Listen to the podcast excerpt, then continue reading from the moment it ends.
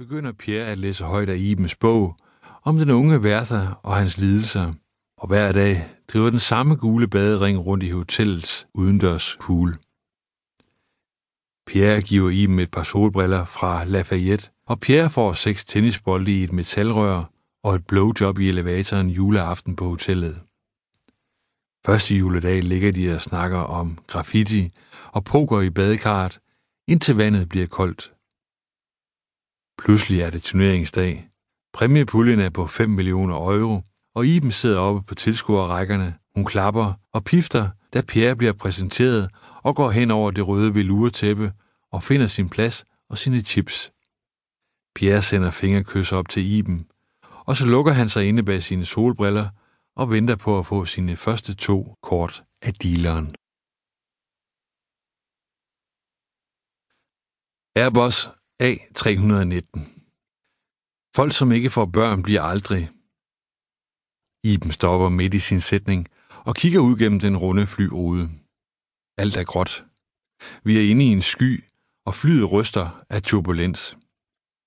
Iben bliver svimmel, når hun ikke har sin horisontale linje, og nu piller hun nervøst ved sit sorte hår, mens min flaske med Perrier rykker nærmere plastikbordets kant, og Alfa vil synger Forever Young, I Want to Be Forever Young i min Walkman. Bliver aldrig hvad? spørger jeg højt for at overdøve musikken i mine hovedtelefoner. Iben kigger rundt i kabinen. I Nice sagde hun, at jeg lignede en fransk mand med håret strøget tilbage og Lacoste helt ind til undertøjet. Nu har hun lige sagt, at jeg bliver 40 til juni, og at huden i mine høje tændinger er kold som porcelæn. Jeg slukker for min Walkman, tager Ibens hånd og håber, at vi snart er kommet igennem turbulensen. Iben, sig hvad jeg skal gøre. Iben. Iben er stærk, og hun trykker min hånd, som om hun forsøger at presse saft ud af en tør citron. Jeg skal lige til at fortælle hende om sponsoraftalen, men så ryster flyet igen, og ham den fede bag os maser hele tiden sine knæ ind i vores sæder, og jeg bliver nødt til at skifte stilling, og en hund bjeffer i sin taske, og flyets plastikbord rasler, og min perriere rykker på sig igen. Der sidder en lille pige alene på første række i en rød flyverdragt. Hvor er hendes forældre dog henne? Pierre, hvorfor tager du dig ikke bare sammen? Iben klemmer mine fingre helt følelsesløse. Bare det ikke går ud over min forhånd, min serv eller mine flugtninger. Iben har fanget mig, og da jeg prøver at komme fri, vælter min perriere ned på gulvet.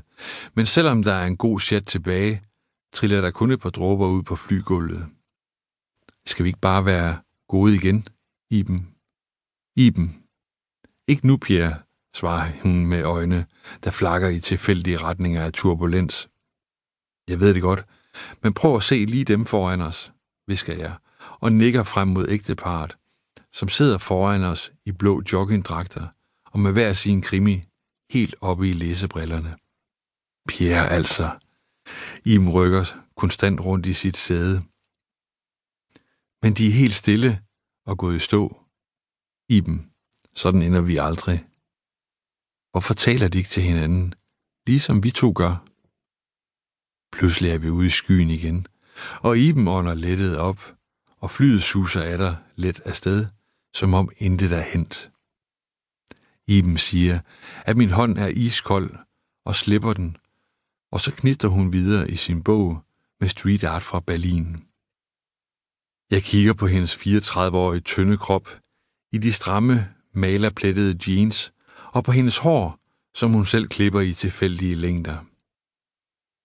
Jeg ved ikke helt hvordan, men jeg har ødelagt noget imellem os. Ligesom da jeg var dreng, og mor var tavs, og jeg måtte gå i seng uden at få et kram, måske fordi jeg havde hængt mit tennistøj til tørre på en skæv måde, eller måske fordi tøjet hang på en alt for tynd snor, eller måske fordi det hang alt for længe ude i bryggerset.